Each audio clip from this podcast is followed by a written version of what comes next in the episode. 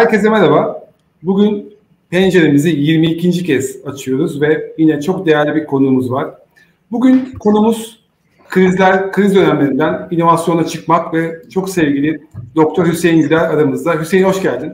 Merhabalar. Ee, sizlerle birlikte olmak gerçekten çok kıymetli. Üç sağlam isim olarak çok harika bir seriye imza atıyorsunuz. Ben de sizleri takip ediyorum heyecanla. Estağfurullah. Bu akşam da birlikte olmak gerçekten güzel.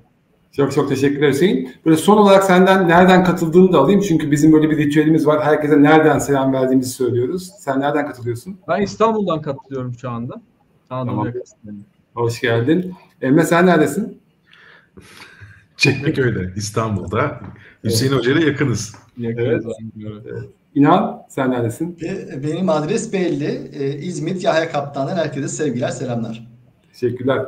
Ben aslında bugün farklı bir yerdeyim. Hani arka plandan da tahmin edebileceğiniz gibi bugün Ankara'dayım. Ee, bir eğitim için buradaydım. Bu yayını da buradan yapıyorum. Ee, o yüzden ben de buradan selam söylüyorum.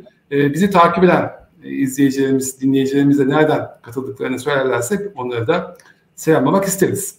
Şimdi böyle bir kısa girişten sonra e, dediğimiz gibi konumuz aslında kriz dönemlerinden inovasyona çıkmak ve bu konuyla konuşmak için biz açıkçası sevgili e, Doktor Hüseyin Güler'den daha iyi bir e, konuk düşünemedik. Şimdi baktığımız zaman çok kısa Hüseyin'den e, bahsetmek gerekirse e, lisans eğitimini e, yetinmemiş. Arkasından da önce MBA sonra da doktora ile eğitim hayatına devam etmiş bir endüstri mühendisi. Ve doktora tezinin konusu da zaten inovasyon ekonomisi. Şimdi inovasyonla bu kadar ilgilenen bir kişi tabii ki iş hayatında da hem e, mevcut çalıştığı şirkette hem de öncesinde hep inovasyonla veya yaratıcılıkla veya ARGE ile hep yan yana kol kola çalışmış. E, en böyle geriye gittiğim zaman Bursa Sanayi ve Ticaret Odası'nda TÜBİTAK'ta önemli e, görevler aldığını görüyorum. Burada hem teknik hem idari görevler. E, sonrasında şu anda e, özellikle e, kendi sektöründe bir markalaşmaya giden e, bir ka, e, Kastamonu entegre firmasında global iş planlama ve inovasyon direktörü olarak e, görev yapmakta sevgili Hüseyin.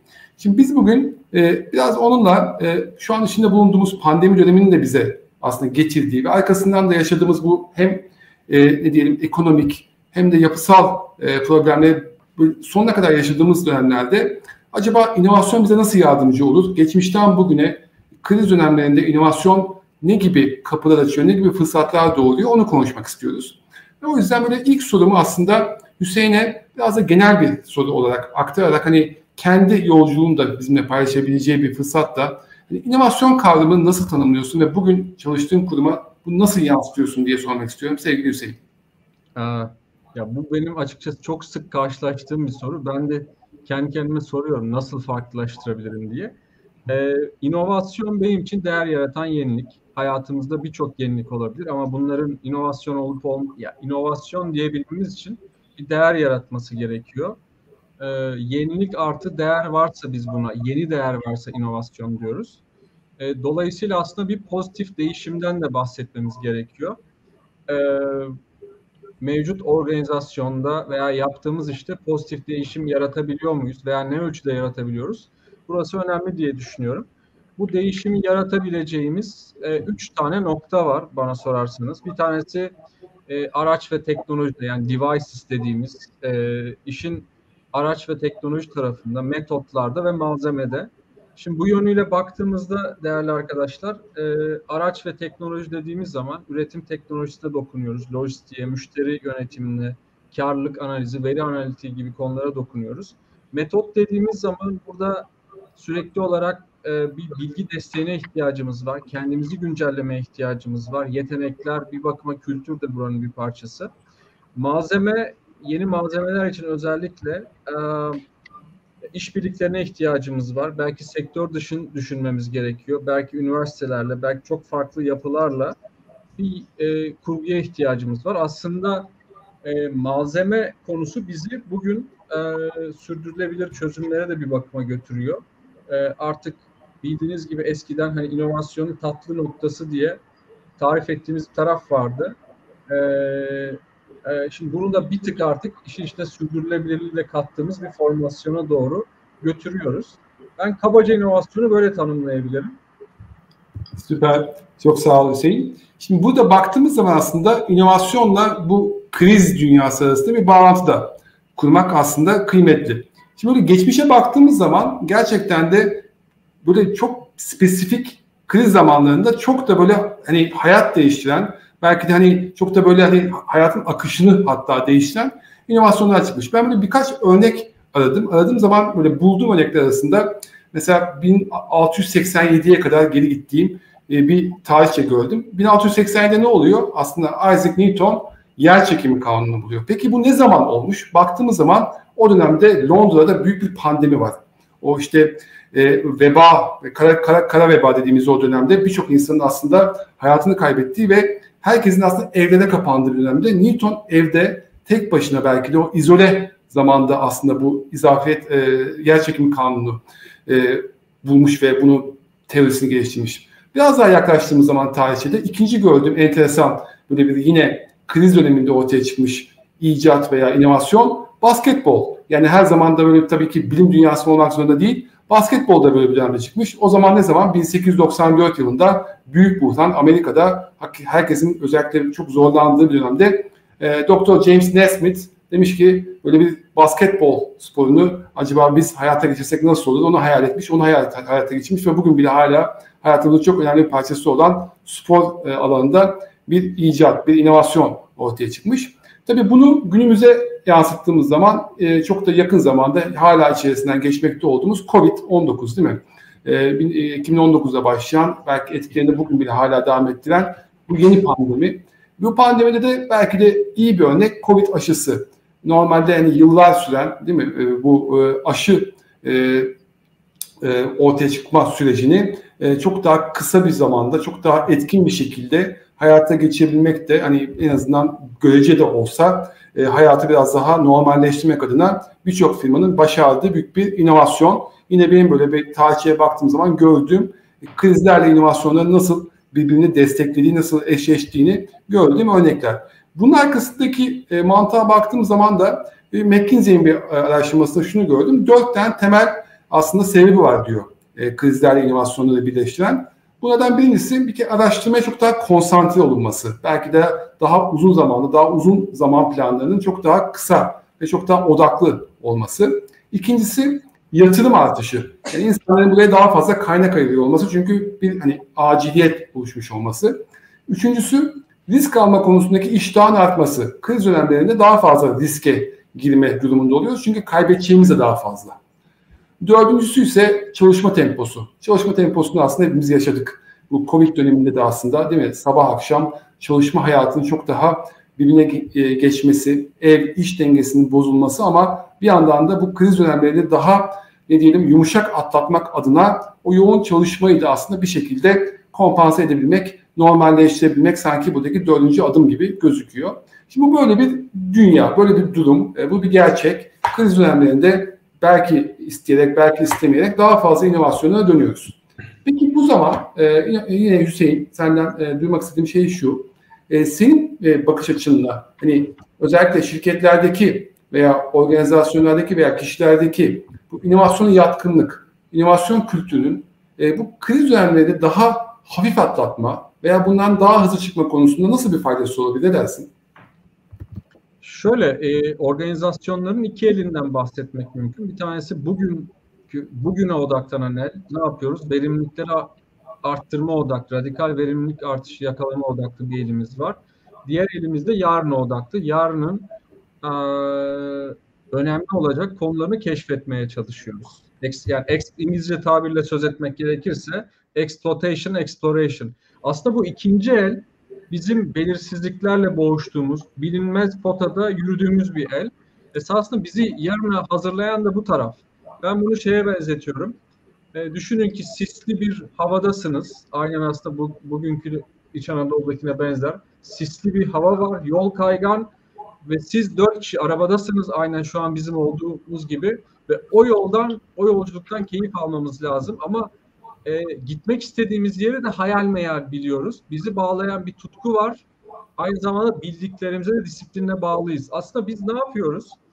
E, bugün için çok da önemli olmayan konuları çok butik ölçeklerde e, yarın önemli olacak konuları bugünden deneyim, deneyimleyerek yarının pratiklerini bir bakıma bugüne taşımaya çalışıyoruz. Tabii ki belirsizliklerle mücadele ettiğimiz bir yolculuk bu. Burada uğraştığımız konuların bir kısmı tutacak, bir kısmı tutmayacak. Hatta oranlamak gerekirse bu yüzde beş civarında bir şeye denk geliyor. Bu tarz projelerin başarı şansı. E, dolayısıyla aslında inovasyon pratikleri, belirsizliklerle mücadele, yeniyi keşfetme çabası bir bakıma bizlerin e, krizlere yönelik de daha a, ne diyelim daha çevik, daha hazırlıklı olmamız da sağlıyor. Biz bunu mesela kendi çalışmalarımızda görüyoruz açıkçası. Pandemi döneminde başlayıp öncesinde başlayıp da çok fazla önem vermediğimiz, bir tık park ettiğimiz böyle birkaç tane projeyi pandemiyle birlikte çok hızlı ölçeklendirme ihtiyacı hissettik. Önceki çalışmalar biraz gereksiz gibiydi ama pandeminin getirmiş olduğu koşullar aslında bunların ne kadar da kıymetli olduğunu ortaya koymuş oldu. Harika. Burada sanki e, şeyle duyduk değil mi? Noktaları geriye doğru birleştirme. Aslında hani geçmişte belki de ortaya koyduğunuz birçok katma değer belki o zaman doğru zaman olmadığı için veya doğru koşullar oluşmadığı için e, park halinde ben seninle daha önce yaptığım bir sohbette de onu söylemiştim. İyi ki o projeleri öldürmemişiz. İyi ki o projelerden vazgeçmemişiz, park etmişiz demiştin. Çünkü doğru zaman geldiği zaman veya doğru şartlar oluştuğu zaman o önceki e, ne diyelim tecrübe, deneyim, know-how bugün çok kıymetli olabiliyor. E, belki BioNTech e, örneği de o. Aslında BioNTech'in geliştirdiği o yeni aşı formülasyonu hani birçoğunuzun bildiği gibi e, COVID için geliştirilmiş değil. Farklı bir hastalık için geliştirilmiş aslında bir formülasyon. Fakat e, o hazır olduğu için belki de bugünün şartlarında bu ihtiyacı karşılayacak bu kadar hızlı, bu kadar etkin bir e, aşı üretmek mümkün oldu. O yüzden bazı çabalar bugün için sanki gereksiz gibi gözükse de e, doğru koşullar oluştuğu zaman e, çok daha e, işe yarar, etkin hale gelebiliyor. E, çok sağ ol Hüseyin. Seni birazcık da dinlendirmek adına biraz böyle yavaş yavaş sevgili Emre ve İnan'dan da katkı almak istiyorum. Ve biraz onların aslında e, bakış açısıyla bu inovasyonla e, e, diyeyim, kriz dönemleri arasındaki ilişkiyi konuşmak ve acaba böyle akıllarına gelen örnekler var mı? E, inovasyon ve kriz dönemleri arasında bir onları duymak isterim. Emre ne dersin? Sen de başlayalım mı?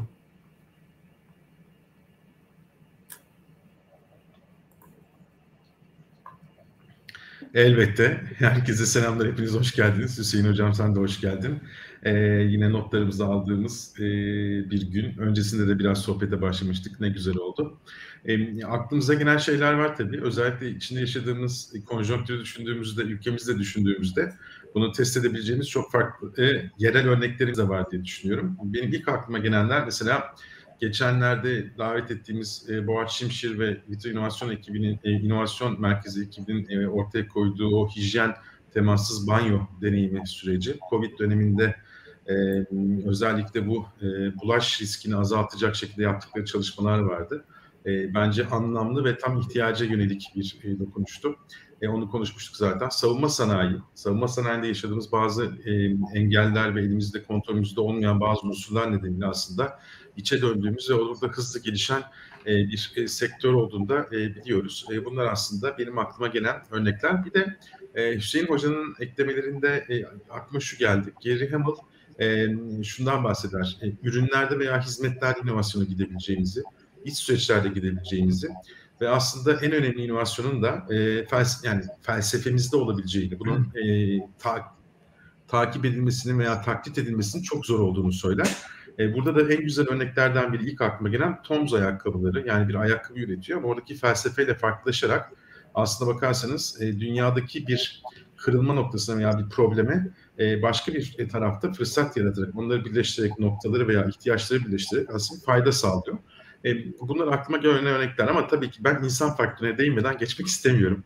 E, bence her şey şunda bitiyor. Yani kriz kelimesi negatif bir çerçeve. E, bu tarafta bence her şeyi nasıl yorumladığımız çok önemli. Biz buna hani e, biaslarda da şey deriz, kognitif reframing deriz, bilişsel e, yeniden çerçeveleme deriz. Yani bir insan bir krizle karşılaştığında, bir problemle karşılaştığında e, bir tepki gösteriyor refleks olarak. Bir negatif bir tepki, bu kaygı olabiliyor işte o e, Hüseyin Hoca'nın bahsettiği o sisli ortamdan dolayı önünü göremezlik oluyor biliyor. Burada aslında bakarsanız bunun iki tane nedeni var temelde bu tepkinin. Bir, e, gerçekten daha önceki tecrübelerimizde ne yapacağımızı bilmediğimiz bir durum olabilir bu.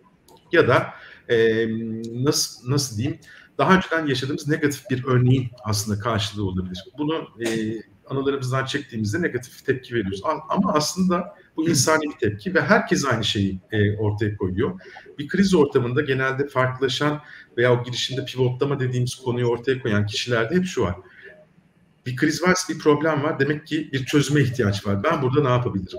E, ne öğrenebilirim, ne geliştirebilirim yaklaşımı devreye giriyor. E, bu da aslında bakarsanız psikolojik sermayeden destek alan bir unsur gibime geliyor. Yani umut etmek, e, realist bir iyimserlik, e, polyanlıcılıktan bahsetmiyoruz. Bunu zaten çok sık konuşmuştuk kendi içimizde. Öz yeterlik ve dayanıklılık konuları bence önem arz eden konular. Bunlar zaten stresi e, seviyesini dengeleyip e, potansiyelinizi ortaya koymanıza yardımcı eden olan unsurlar. E, e, yanlış hatırlamıyorsam Emre Nacı yazmıştı. Konfor alanlarımızda inovasyona gitmemiz çok zor diyor. Bununla alakalı bir unsur aslında. Bir de bunun organizasyonel boyutu var. Yani ben klasik yapıların, e, bilmiyorum siz de nasıl düşünürsünüz ama gerçekten krizi fırsatı çevirecek bir inovasyon yani çevik bir inovasyon sürecinde bazen zayıf kalabildiğini gözlemliyorum, tecrübe ediyorum. Siz de katılırsınız belki. Bu noktada çeviklik kavramının da e, e, bu süreçlerde, hikayeleri bildiğim süreçlerde de aslında bakarsanız ön plana çıktığını söyleyebilirim. Benim gözlemlerim dahilinde. E, istediği kadar kurumsal bir yapıda olsun, ekipler çeviklik anlayışını içselleştirdiyse o tarafta hızlı ve çevik hamlelerle o krizi yeni bir yeniden bir e, anlamlı bir şekilde çerçeveleyerek e, o psikolojik sermayeyle aslında fırsata çeviriyorlar, çevirebiliyorlar diye düşünüyorum. Teşekkürler Emre. Hani ben senin söylediğin şöyle bir e, kendi yorum ekleyerek inana yansıtmak istedim. Dediğim gibi eğer firmalar inovasyon yapmak için krizleri bekliyorlarsa çok geçmiş e, oluyor. Yani çok geç kalmış oluyorlar. E, buradaki aslında temel e, bakış açısı e, bu kültürü öncesinde sahiplenmek, inovasyon yapmanın faydasını veya etkisini e, içselleştirmek senin de söylediğin gibi. Böyle firmaların tabii krizlere yakalandıkları zaman bile bundan daha hızlı çıkmaları veya bundan daha az etkilenmeleri mümkün olabiliyor. E, pandemi döneminde tam da bunun güzel bir örneğiydi aslında. Krizi yönetebilen firmaların aslında nasıl yönettiklerini önceden e, tecrübe etmiş olmaları, biliyor olmaları onlar için büyük bir avantaj oldu. Bu döneme bu tarz bir hazırlık olmadan yakalanan firmalarsa çok daha zorlandılar benim bakış açıma göre. E, sevgili e, Hüseyin hocamdan da mutlaka katkılı zaman bir inandan da kendi bakış açısını duymak istedim. Özellikle onun penceresinden böyle iş dünyasındaki böyle krizleri fırsata çeviren örnekler acaba neler? Ee, teşekkürler Sinan. Ee, bir iki tane bir örnek paylaşmak istiyorum. Ee, sevgili hocamız Ahmet Şerif İzgören'in kitabından iki örnek. Ee, biraz geçmişten. Bir tanesi de bugünden. Ondan sonra e, Hüseyin hocamın da bahsettiği bugün ve yarın odağına bağlayacağım o konuyu. Ee, 150 yıl kadar öncesinde aydınlatma mum ile yapıldığı zaman mum e, üretiminden çok güzel para kazanan, ekmek yiyen iki tane dünür var. Ee, bir tanesi geliyor dünürlerden e, diyor ki bizim e, iş iyi ama yarın yokuz diyor yani. Çünkü etrafta böyle ampuller çoğaldı. Bu iş gitmeyecek diyor. diyor. Diğeri diyor ki yok ya olur mu öyle şey diyor. Biz gayet güzel para kazanıyoruz. Hiç keyfimizi bozma bak kasa dolsun diyor. Diğer dünür bir şekilde ikna ediyor diğerini ve şuna karar veriyorlar. Tamam biz e, mum üretiyoruz. Biz kimya işindeyiz. O zaman kimyevi ürünler üretmeye devam edelim deyip ürün gamını değiştiriyorlar. Ve işte bu dünürlerden bir tanesinin e, ismi Procter, diğeri Gamble. Şu an e, dünyanın en büyük FMCG şirketlerinden bir tanesi. Yani bugün var olmanız sizi yarını e, garanti etmiyor. Yeni ürünler, yeni ürün yelpazelerini inovatif bir yaklaşımla ortaya koymanız ve de hayata geçirmeniz gerekiyor. 150 yıl öncesinde bu mimar açılarından kaç tanesi kaldı? Kuvvetli ihtimal e, bunlardan sadece bir tanesi kaldı. E, PNG ile karşımızda birçok ürünüyle şu an karşımızda. Diğer ise Türkiye'den yine Şerif İzgören'in e, kitabından okuduğum bir örnek. E, Banat örneği. E, o da e, 1950'li yıllarda Türk ordusunda çok fazla at arabaları var. Atlarda kullanan kaşağılar var. Romandan hatırlarsınız Ömer Seyfettin'in. O kaşağı üretimini yapıyorlar ama görüyorlar ki e, artık kamyonetler gelmeye başlıyor ortaya. Atların e, atlara olan ihtiyaç azalıyor. O zaman e, ki biz ne iyi üretiyoruz? Fırça baktığınız zaman kaşa. O zaman diş fırçası üretmeye devam edelim diyor. Ve şu an e, gidip e, marketlere baktığınız zaman tek Türk markası diş fırçasında Barat görüyorsunuz kuvvetli ihtimal. Onlar da bu şekilde ayakta kalmışlar. İnovatif bir yaklaşım ile e, ayakta kalan e, örneklere çok güzel aslında iki tanesi bu. Bugüne biraz dönelim. Bugün aslında dijital dönüşümle konuştuğumuz zaman şirketleri en çok etkileyen trendlerden veya akımlardan bir tanesi disruption dediğimiz yıkıcı yenilik. Yani yepyeni bir iş modeli geliyor. Bugünkü pazar liderine alaşağı ediyor veya gerilim modelinden çok büyük pazar payı kazanıyor. Ee, burada da işte en çok etkilenen, bu krizden de etkilenen sektörlerin başında otomotiv geliyor. Özellikle e, çipteki bu sıkıntıdan dolayı dünyada ve Türkiye'de birçok otomotiv fabrikası e, duruşlar yaşadılar. Onlardan bir tanesi de Ford Otosan. Belki reklamını görüyorsanızdır. E, Ford Otosan yeni bir ürün ortaya çıkardı. İsmi Raccoon. E, çünkü çok hızlı büyüyen bir mikro mobilite var. Yani e, zaten e, araçlar dışında, otomobiller dışındaki o elektrikli e, daha küçük, daha mobil cihazlarla e, ulaşımı artıyor. Diğer taraftan da bir evleri teslimat ile birlikte o tarz ürünlere, cihazlara daha fazla ihtiyaç var. Bunu görüp oturup bunun tasarımını yapıp şimdi inovatif bir yaklaşımla arkada iki tekerli olan motosikletler çıkardılar. Rafun isminde reklamlarda da gayet e, şık görüyorsunuz. E, işte bu da e, bir inovasyon kültürünün sonucu. Çünkü dediğin gibi inovasyon için krizi beklemedi Ford Otosan. Neden biliyorum? Ben 9 sene orada çalıştım. Çok güçlü bir ülgesi var, argesi var ve Drive Venture isminde bir yapısı da var. İnovatif fikirleri alıp yaşartan. Bu Türkiye'deki bu konuda yatırım yapan şirketlerden bir tanesi ama Rakun çok yakın zamanda krizi fırsata çeviren e, çok güzel bir örnek. E, şu an Ford Otosan Eskişehir fabrikasında kamyon üretirken, transit gibi e, ticari araçlar üretirken aynı zamanda motosiklet üretmeye başladı. Ben çok önemli bir e, yol katacaklarını düşünüyorum. Şimdi şöyle bağlamak istiyorum. E, sevgili Hüseyin'in söylediği iki tane odak vardı. Bugün ve yarın. Biz kurumlara gittiğimiz zaman dijital dönüşüm yol haritasını hazırlarken iki tane farklı bakış açısıyla bakıyoruz. Bir tanesi bugünden yarına. Bizim bugün yaşadığımız hangi sorunları dijital çözümlerle ortadan kaldırabiliriz veya çözebiliriz? Bunları belirleyip onlara yatırım yapmaya başlıyoruz. Veya yatırım için bir yol haritasını ekliyoruz. Diğeri de yarından bugüne bakmak. Yani bugün işlerimiz çok iyi olabilir ama yarın hangi trendler veyahut da hangi müşteri beklentileri bizi bekliyor? Bugün olmayan veya bugün zayıf olan onları görüp kendini yarının iş dünyasında bulup hangi ürünler, hangi iş modelleri tutar onun üzerine kafa yoruyoruz. Bu iki bakış açısı birleştiği zaman yol haritası birbirini tamamlıyor ve ikinci bakış açısı inovasyon ile örtüştüğü zaman biz orada hangi inovatif ürünlerle, hizmetlerle veya iş modelleriyle olabiliriz sorusuna cevap bulduğunuz zaman gerçekten dijital dönüşüm konusunda doğru bir yol haritası oluşturmuş oluyorsunuz. Ee, burada e, bu bakış açısını da Hüseyin Hocam'ın o iki odayla birleştirilmiş olayım ben de. Çok teşekkürler İnan. Şimdi Hüseyin Hocam'a cevap hakkı doğmuş gibi oldu. Ee, varsa bu konuda böyle onun da katkıları almak isteriz. Sonrasında bir tane izleyici sorumuz geldi Yasemin Kuley'inden. E, onu da böyle ekran yansıtmak yine böyle üçümüzden hatta dördümüzden de böyle varsa e, katkılarını almak isteyeceğim ama öncelikli olarak e, Hüseyin Hocam ne diyorsun? Hani senin böyle e, verdiğimiz bu örneklerin üzerine ekleyeceğin farklı örnekler olacak mıdır? Tabii ben dö- dö- çok iyi bir yere geldik bence. Dört örnek paylaşacağım ama önce e, sevgili Emre Hocam'la onların söylediklerinden pası almış olayım. E, inanın söylediklerinden devam edeyim. Bir defa pandemi bize hayatımıza üç tane e, faktörü çok net bir şekilde soktu. Yani bunlar artık tüm iş modellerinde dikkate almamız gereken veya inovatif iş modellerinde dikkate almamız gereken üç faktör diyeyim. Bir tanesi dijital dönüşüm. Çünkü bize çok radikal verimlilik e, imkanları sağlıyor. Hani böyle yüzde beş, on değil katlarla verimlilikler, verimlilik artışı yapma imkanı sağlıyor. İkincisi sürdürülebilirlik. Özellikle 2021 ile birlikte çok gündemimize artık sürdürülebilir iş modellerini tartışmamız gerekiyor. Şimdi dijital dönüşüm artı e, sürdürülebilirlikle birlikte üçüncü faktör de şimdi Emre Hocam da atıfta bulundu aslında e, belirsizlik. Yani biz bugün ne hangi tip inovasyonun peşinde koşarsak koşalım hızlı ölçeklenme istiyorsak üçüyle üçünden en azından bir tanesini çok net bir şekilde kucaklamayı becerebilmemiz gerekiyor. Şimdi Ford Otosan Rakun örneğinden bahsedildi. Benim de takip ettiğim bir örnek. Tabii inovasyonda arkadaşlar tekrarlı pratiklere ihtiyacınız var. Bir anda böyle muazzam şekilde inovasyon yeteneğini kazanamıyorsunuz.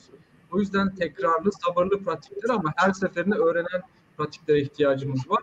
Bu noktada bir tık böyle gerilemeye de ihtiyacımız var. Yani böyle her şeyin süt liman olduğu bir ortamda da inovasyon çok iyi doğmuyor sanki. Biraz böyle bir aynen benim tarif etmeye çalıştığım o arabanın içindeki stres gibi bir stresli ortamlara ihtiyacımız var. Şimdi kriz ortamlarında doğan inovasyonlar deyince benim aklıma dört tane örnek geliyor. Onları hızlıca vermeye çalışayım. Bir tanesi Türkiye'den bir örnek. Ben kariyerimin başlarında Tüpraş'ta görev yaptım. O dönemde e, tabii 94 kriz sonrasıydı bu. 94 krizi bizdeki e, otomotiv sektörünü ciddi şekilde regüle etti diye düşünüyorum. Otomotiv sektörünün kendi proje üretme kabiliyeti, yeteneğinin kazanmasında çok büyük etkisi oldu pozitif manada ve inovasyon kabiliyetini arttırdığına inanıyorum. Ben TOFAŞ'a başladığımda 90'lı yıllarda konulan 1 milyon tempra hedefi vardı. Tabii bu krizle birlikte alaşağı edildi ve e, artık yepyeni başka Türkiye için inovasyon niteliğinde e, yeni projeler devreye girmeye başladı.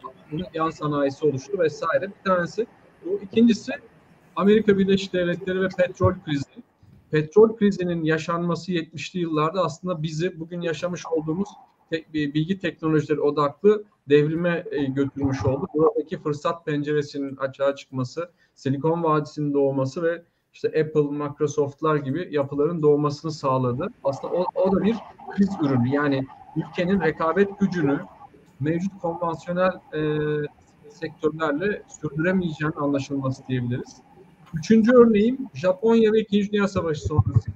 İkinci Dünya Savaşı sonrasında Japonya'nın e, yaşamış olduğu yıkım aslında Toyota'nın doğması ve aslında Amerikalı otomotiv şirketlerin karşısında ciddi bir rekabet gücü elde etmesini e, ne vesile olmuştu diyeyim. Bu özellikle e, metot tarafında elde edilen kuvvetli pratiklerle birlikte. Biz Kodak örneğini negatif bir örnek olarak hatırlıyoruz ama bir de onun karşıt örneği var. O da Fujitsu.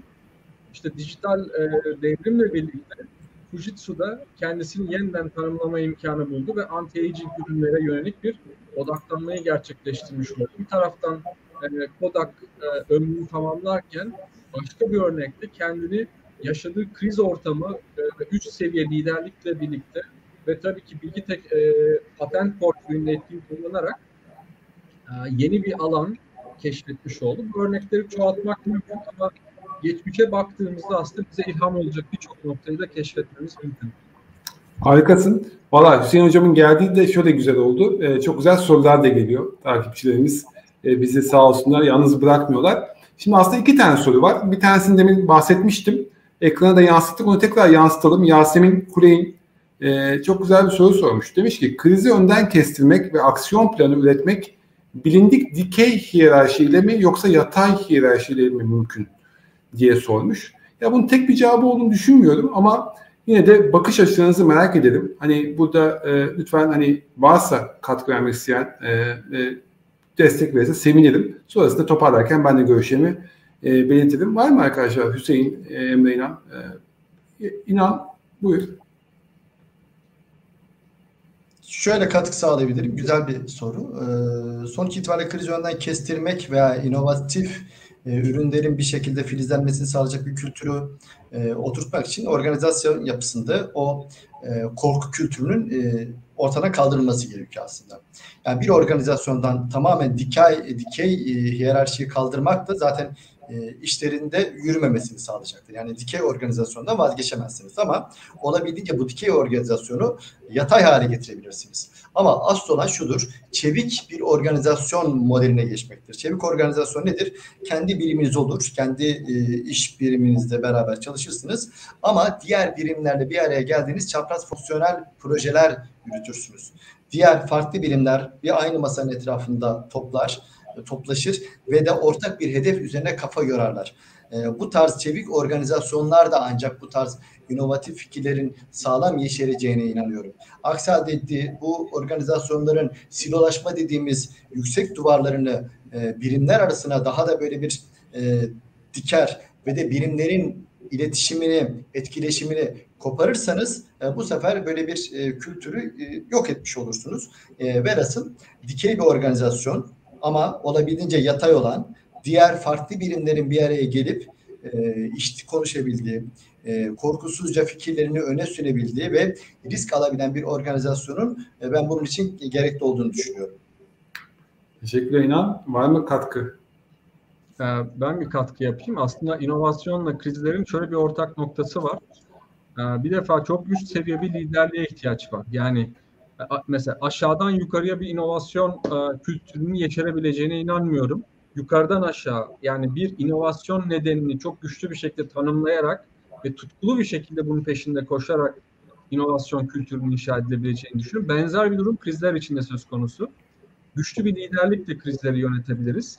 Ama işi e, İnan'ın söylediği gibi proje takımlarına döktüğümüz zaman burada da e, dominant olmayan liderliklere ihtiyacımız var. Daha böyle orkestrasyon odaklı, farklı bilgi birikimlerini potaya koyan ve insanların da katılımcıların da bir, bir bakıma kendilerinde olmayan, e, kendilerinde fark etmedikleri güçlü yönleri ortaya çıkaran bir liderlik anlayışına ihtiyacımız var. Yani kapsayıcı, olumlayan, e, yetenekleri bir potaya koydurtan güven odaklı ve gelişim odaklı bir liderliğe ihtiyacımız var. Özellikle proje takımları, inovasyon proje takımlarında bunun ben çok kritik olduğunu düşünüyorum.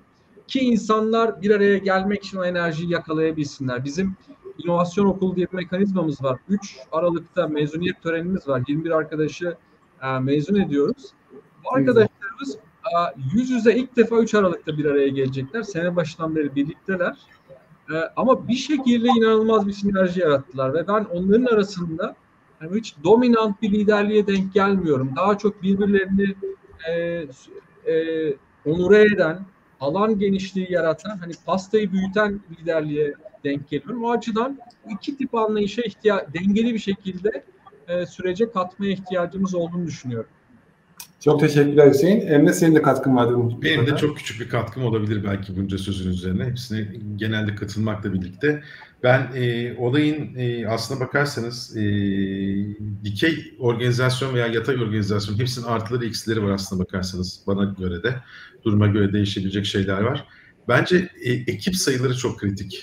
E, çünkü ekip sayıları özellikle arttıkça veya işte bir kişiye bağlı kişi sayısı arttıkça e, özellikle bu online tarafta bizim yaptığımız araştırmada da e, dar boğazların, bottlenecklerin aslında çok fazla kişiyle etki alanında çok fazla kişi bulunduran yöneticiler olduğunu vesaire görebiliyoruz. Bunu bir söylemek istiyorum. E, bu noktada dikey hiyerarşide olsa daha kompakt ve kendi içerisinde hızlı hareket edebilecek, iletişim daha kolay kurgulayabilecek takımlar e, bence duruma göre doğru kurgulanabilir gibime geliyor. Bu bir. İkincisi e, bana sorarsanız niyet çok önemli. Yani siz yatay organizasyonu kurdunuz, hala bilgi saklamak, silolaşmak veya işte e, farklı şeyler yapmak istiyorsanız yapabilirsiniz. Bunun örneklerini çok fazla görüyoruz.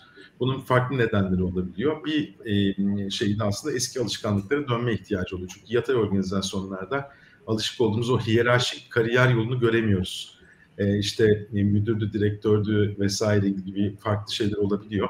E, en sonunda şunu eklemek isterim. Her halükarda e, krizlerde veya bu, bu krizleri fırsata çevirme süreçlerinde bu kadar değişkenin olduğu bir dünyada bence her yöneticinin aslında biraz mentor olması, insan doğasını anlaması ve sadece teknik bilgilerle değil e, o liderliği ortaya koyarken sonuçta liderlerin işi aslında insanla tabii ki teknik unsurlar var ama yöneticiler farklılaştığı daha çok insanda.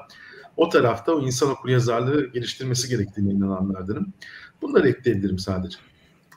Çok teşekkür ederim. Ben de şöyle bir toparlayayım e, dilerseniz. Yani çok güzel bir soru gerçekten. Benim de özellikle takıldığım taraf şu.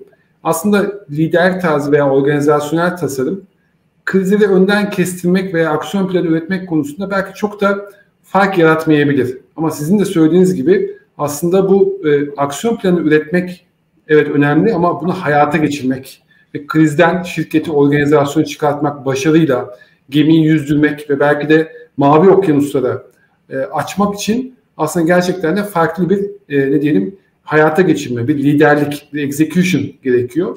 E, bu da aslında sizin de bahsettiğiniz gibi işte çalışanların ne kadar dahil edildiği, organizasyonun nasıl buna e, ne diyelim adapte olduğu, çevikliğin ne kadar ön planda olduğu herkesin söylediğinizden böyle birer cümle almaya çalıştım. Bu sayede oluyor. O yüzden önemli olan aslında ortaya koyacağız niyet ve liderlik ve çalışanları çevik bir şekilde adapte edebilmek diye düşünüyorum. O yüzden e, evet hiyerarşi önemli fakat asıl burada belki temel bakacağımız şey liderlik yaklaşımı. İkinci sorumuz da sevgili Mert Ural'dan. E, o da sağ olsun e, yine bizi hep e, takip ediyor, destekliyor e, yorumlarıyla olsun, sorularıyla olsun. Yine çok güzel bir soru sormuş. Demiş ki bir hizmet ücretsiz ise ürün onu kullananlardır. Gelecekte ürünün insanın kendisi olduğu bir dünyada insanın kendi inovasyonu nasıl olacak? Sosyal medya bilhassa Metaverse açısından oldukça böyle e, sağlam, altı dolu bir soru. E, ben böyle yine soruyu ortaya bırakayım. Yine sizlerden katkı almaya çalışayım. Biraz da siz düşünürken ben kendi bakış açımda birazcık da size bir düşünme fırsatı da sağlayayım istedim. E, gerçekten de e, özellikle bu Endüstri 4.0 belki de hani verinin çok daha ön plana çıktığı, verinin öneminin çok daha arttığı günümüz dünyasında ve gelecek dünyasında gerçekten de hani neyin ürün neyin bunun maliyeti olduğu veya neyin bunun fiyatı olduğu çok büyük bir karmaşa içerisine girdi. E, bugün kullandığımız birçok uygulama, birçok araç bize ücretsiz olarak sunulmakta. Fakat günün sonunda bizim verilerimiz oradaki temel değeri oluşturmakta ve satılarak sonrasında farklı ne diyelim e, kar modelleri oluşturmakta. Bunun önümüzdeki dönemde daha da artacağını e, öngörmüş sevgili Mert Ural ve bunun olduğu dünyada insanın kendi inovasyonunu sormuş. Biraz buradan e, e, ne gibi yorumlar yapmak istersiniz? Nasıl e, katkı vermek istersiniz? Ben yine alabilirim. Tabii ki İnan. Ama sanki Hüseyin alacakmış gibi misafir olarak e, sözünü almadın değil mi Hüseyin? Ben bir sizleri bir, bir kişiyi dinleyeyim sonra katkı yapmam tamam. Şöyle düşünüyorum hani bu programın ismi de pencere ya bence çok güzel oturuyor. Ben kendi penceremden görüyorum. Bir kişinin hani çalışan dünyasıyla bakıyorum. Çalışan dünyasında bir e, kişinin bir beyaz yakanın diyeyim e, kendi inovasyonunu yapması, yeni çağın yetkinliklerine göre kendini donatması e, ve de yeni çağın o beklenen yetkinlikleriyle iş dünyasında daha güçlü kalması olarak anlatabilirim. Biraz açarsam. Örneğin bugün yaptığınız işe devam edebilirsiniz. Bir şekilde sabah gidip akşam geliyor olabilirsiniz. Ama yetkinlik dönüşümünden geçiyoruz ve çok farklı araştırmalar gösteriyor ki Türkiye'deki önümüzdeki 10 yıl içerisinde sahip olunan yetkinlikler %80 oranında değişecek. İşte KPMG diyor ki 2 sene içerisinde yeni yetkinlikleri kazanamayan her 100 kişiden 6'sı atıl kalacak gibi çok çarpıcı şeyler var. Diğer taraftan da ciddi bir ihtiyaç da var bazı işlerde. Mesela iş geliştirme uzmanı, dijital dönüşüm uzmanı, veri analisti gibi mesleklere acayip ihtiyaç var. Dünya Ekonomik Forumu'nun geçen Ekim'de yayınladığı raporda bunlar çok üst planda ve bu tarz mesleklere deneyim sahibi olan çalışanlar evrilebilir. Yani kendi işinizde mesela İK'cısınızdır. İK'yı çok iyi biliyorsunuzdur. Veri analitiği konusunda kendinizi geliştirirsiniz. İK biriminin veri analisti olursunuz. Ben birinci açıdan öyle bakıyorum. Yani e, yeni çağın yetkinliklerini alarak e, konumlanmak, inovasyon ve de yarın bir şekilde iş gücünde varabilmek. İkincisi de çok hızlı büyüyen bir ekonomi var iş dünyasında. Büyük şirketlerdeki çalışan sayısı giderek azalırken kendi işinin patronu olan sarı dünya denilen freelance gig çalışanlar artıyor. 2027 yılında dünyadaki tüm çalışanın iş gücünün yarısının freelancerlerden oluşacağı söyleniyor ve giderek de büyüyor. Mesela Türkiye'deki bu oran hiç azımsanmayacak seviyede. Yüzde on bir. Avrupa'da yüzde yirmi iki. Amerika'da yüzde otuz beşlerde ve giderek artıyor gig çalışanlar. Ve bu gig çalışanların ortak bir özelliği var. Dışarıda satabilecekleri e, bir bilezikleri var. Yani bir konuda çok derinlemesine uzmanlar birden fazla şirkete iş veya proje bazlı iş yapabiliyorlar. Yepyeni bir iş e, modeli o tarafta büyüyor.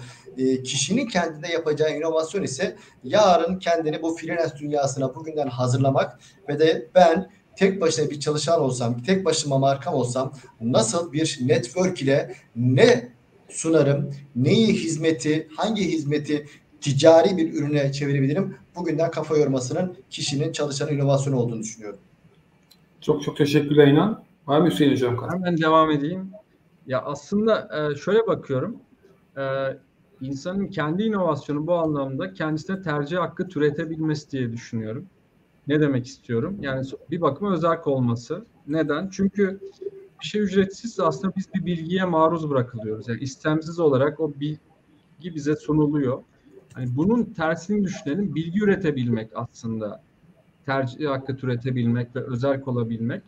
Tabii bilgi üretebilmek için de e, bugünkü konjonktörde tek başına olmak değil, aslında bize benzemeyenlerle bir karma oluşturabilmek ya da benim hep ifade etmeyi sevdiğim tarzda da Voltran oluşturabilmek. Yani Süpermenler yerine Voltranlar oluşturmak kolektif bilinçle, kolektif değer üretme fonksiyonuyla yeni iş modelleri, kolektif iş modelleri ortaya koyabilmek ve bir bakıma da sürekli olarak kendi loop'umuzu yeniden tanımlamak, e, yeni iş modelleri ve öğrenen zihniyette olarak sürekli olarak bu kurguda bize sunulan, hazır olarak sunulan bilgilerin karşısında e, kendimize e, tercih üretme hakkı tanıyarak e, kolektif bir bilinçle Voltranları oluşturmak ve bundan da aslında keyif almasını bilmek. Yani işin keyif alma fonksiyonu da bence önemli. Sürekli bir stres, endişe hali değil. Yaşadığımız dönemden, yaşadığımız e, güzelliklerden de bir bakma keyif almak diyorum. Harikasın. Senin bu e, inovasyon için Superman değil, Voltran'la ihtiyacımız var yaklaşımını çok seviyorum. Her yerde de seni referans göstererek kullanıyorum. Yine bir kez daha e, keyifle dinledim.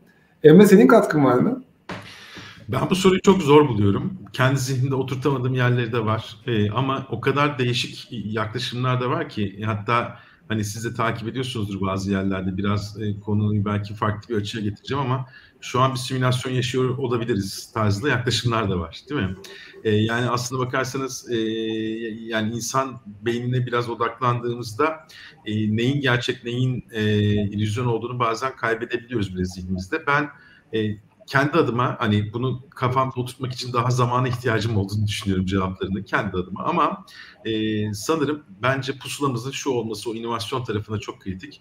E, şartlar değişse bile insanın kendi tarafında o gelişimi sağlaması, yenilikler ortaya koyması tarafında pusulasının insan e, faydasının olması gerektiğini düşünüyorum. Bunda iyi niyetli şekilde olması gerektiğini düşünüyorum. Aksi takdirde bir bıçağı düşünün. Yani bir şefin elindeyken harikalar yaratabilirken farklı kullanımlarda gidebiliyor gibime geliyor. Ee, o noktada e, her ne yaparsak yapalım dünya hangi şartta yani hangi şekilde girerse veya sisteme girerse girsin e, ben kendi adıma pusulanın hani bu tarafta olmasının daha kritik olduğunu e, bu sistemlerde bile fayda sağlamanın e, bir şeyleri değiştirebileceğine inandığımı söylemek isterim. Nacizane. Çok teşekkürler Emre. Şimdi sorular aslında çok devam ediyor. Ee, ben böyle bir tane daha soruya böyle en azından kendi bakış açımla cevap vermek isterim. Çünkü sevgili Duygu Çamurtaş e, aslında biraz da böyle iki soruyu e, böyle bir iç içe geçirmiş. Demin söylediklerimizden de aslında birazcık da bahsederek hani inovasyon için organizasyon evet lazım ama liderlik de önemli ve insan önemli dediğimiz noktada demiş ki aslında o zaman inovasyon herhangi bir departmandan ziyade insanda başlar diyebilir miyiz? Liderlerin inovasyon vizyonunu ekiplere doğru yansıtma konusunda tavsiye verirseniz çok sevinirim demiş. Ben naçizane ufak bir yorum yapmak isterim. Çünkü özellikle inovasyon konusunda benim kullandığım bir envanter var. Envanterde aslında liderlik yaklaşımını sorguluyorum ve liderlerin inovasyon kültürü nasıl oluşabileceklerini aslında üç başlık altında soruyorum. Bunlardan bir tanesi stratejik yönlendirme. Yani liderler inovasyon için net bir strateji yönlendirme ortaya koyuyor mu ve tüm şirket bunun farkında mı? Yani her toplantının belki de e, başında, ortasında, sonunda liderlerin inovasyona verdiği önem herkes tarafından fark ediliyor mu? Buradaki temel gösterge bu. İkincisi ne kadar kaynak ayırdığı liderlerin. Yani kendi zamanlarının, kendi ne diyelim e, bütçelerinin, kendi e, kaynaklarının en az %50'si diyor envanter. İnovasyona odaklı mı? %50'nin altı bırak, bırakın hani şirketlerde bir şey değişim yaratmayı e, ekibe de o e, motivasyonu vermiyor. Yüzde elli diyor. Yüzde elliyi en az inovasyona ayırmalı diyor liderler. Üçüncüsü ise portföy yönetimi diyor. Portföy yönetiminde de özellikle şirketin ana iş kollarıyla inovasyon projelerine aslında benzer önemi veriyor mu? Sadece ana iş kollarından gelen e, o sabit gelire mi odaklı yoksa inovasyon projelerinin belki başlarda çok tatmin etmeyen, belki emekleyen eforlarını destekliyor mu? Onları benzer şekilde şirketin veya çalışanların gözünde değerliyor mu, onları takdir ediyor mu, cesaretlendiriyor mu diyor. Temelde üç başlıklı aslında liderlerin vizyonlarını e, şirketlere, organizasyonlara yansıtabileceğini söylüyor benim kullandığım envanter. Bunun üzerinden de aslında birçok firmaya e, aynı tutmaya çalışıyorum. E, bunu da böyle en azından Duygu Hanım'ın e, sorusuna cevaplamış olayım istedim. Yani sorular aslında çok ama aslında bu sorulara e, birazcık da böyle bir mola vermek ister ve size böyle özellikle sormadan da geçmek istemediğim bir son soruya geçmek istedim. Ama sonrasında madem bu kadar ilgi var ufak bir sürprizimiz de olacak. O sürprizi de en sona saklayalım. Belki Hüseyin Hocam kendi açıklamak ister. Ama Ben e, böyle bir kapanışa doğru yaklaşırken de madem bugün inovasyon ve krizler arasındaki o bağ kurmayı e, kendimize hedef koyduk ve biraz dünyadan da örneklerle aslında iyi örnekleri de aslında konuştuk. Hani e, krizlerden inovasyon çıkartan firmaları ve organizasyonları biraz da kişiselleştirerek kapatalım istedim. Yani her birinizden özellikle sizin kendi kariyer yolculuğunuzda, kendi deneyimlerinizde yaşadığınız krizler ve böyle krizlerden doğan ne gibi e, inovasyonlar, ne gibi icatlar, ne gibi çözümler oldu. Biraz onları duymak isterim. E, sonrasında da yavaş yavaş toparlarız. Emre dersin, sen de başlayalım mı? Peki başlayalım.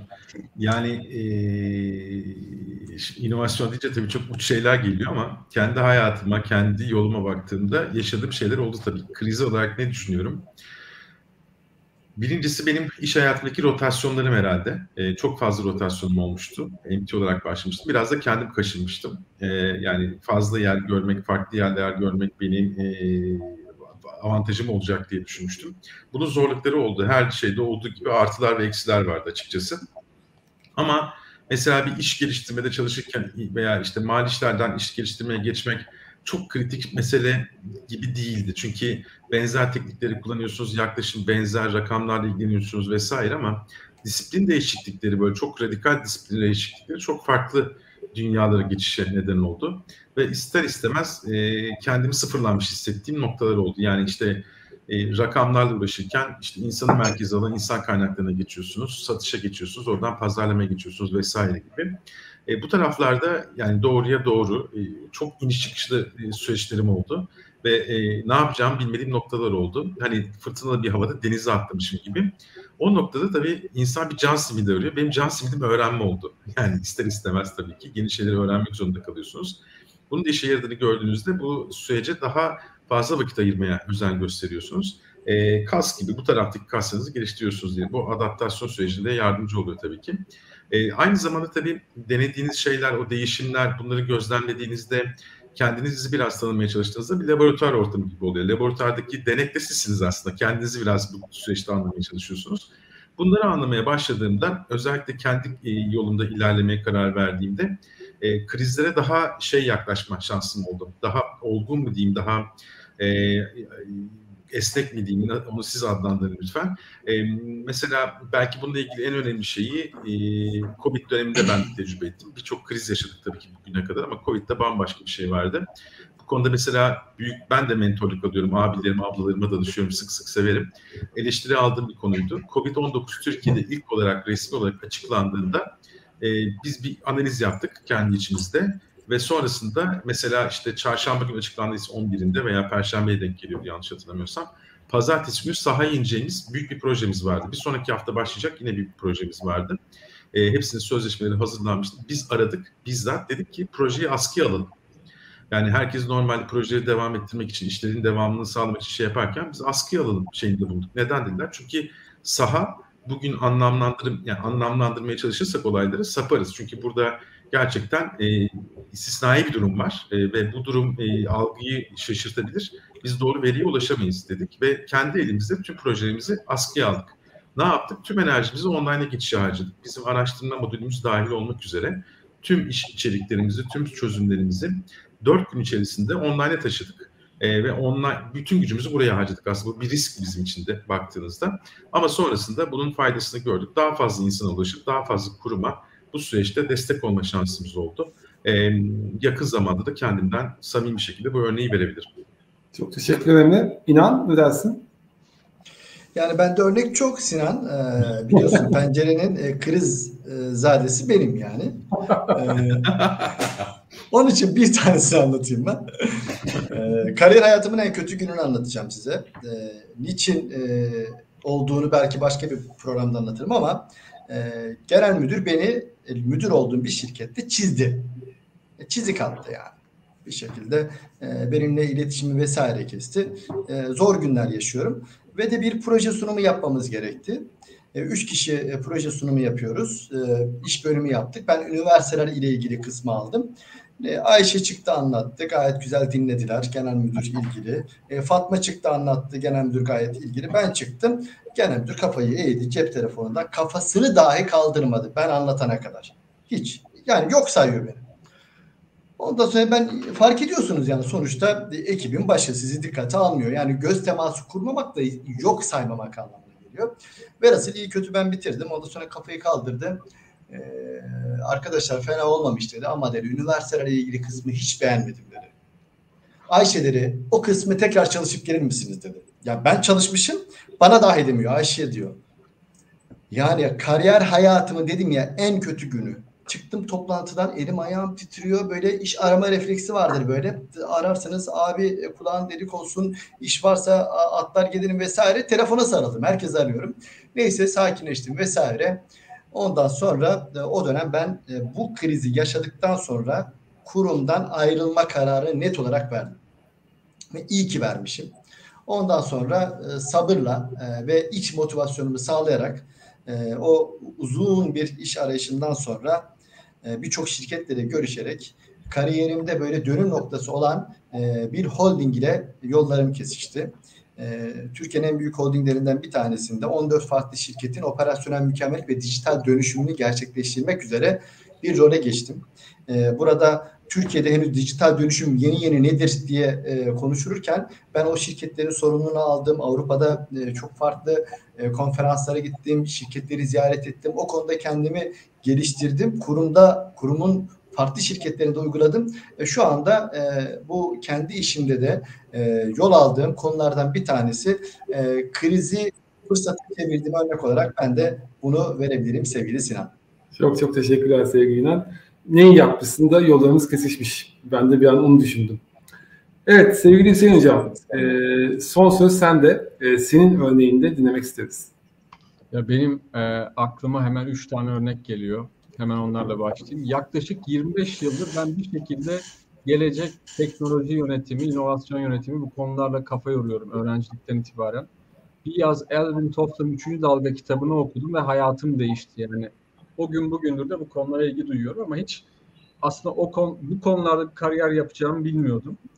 E, ta ki 2021 yılına 2020 yılına kadar, 20 yıl öncesine kadar biliyorsunuz 2001 yılında Türkiye çok büyük bir kriz yaşadı. Ben de bu kriz ortamında açıkçası mezun oldum. E, bitirme tezimizi yaparken böyle arkadaşlarla cebelleştiğimiz bir dönemde tepem attı ve bir başvuru yaptım. Bir form doldurdum. O form aslında bir beyin avcısının e, teknoloji yönetimiyle ilgili bir tarama formuymuş. Derken arandım. E, o dönemde birçok kişi maalesef işini kaybediyordu. Beni arayan Türksel'di ve Türksel'de den teklif aldım ve teklif aldığım gün de çok enteresan 11 Eylül 2001 e, maalesef trajik bir olay yaşanmıştı. O ikiz kulelerden bir tanesini vurulup henüz daha ikincisinin vurulmadığı aralıkta ben iş teklifimi almıştım böyle bir kriz e, ortamında, dünyanın krizinin yaşandığı bir ortamda e, kariyerime ilk adımı atmış oldum. Dolayısıyla bu süreci hiç unutamıyorum. Aslında teknoloji, gelecek, tek, inovasyon yönetimi bunlarla uğraşıyor olmak hobi olarak benim hayatımı şekillendirmiş oldu. İkincisi şu anki çalıştığım şirketten Kastamonu Entegre 2016 yılında TİM'in InnoSuite programına katıldık. Çok da mutluyduk. Süreç yepyeni bir süreç başlatıyorduk.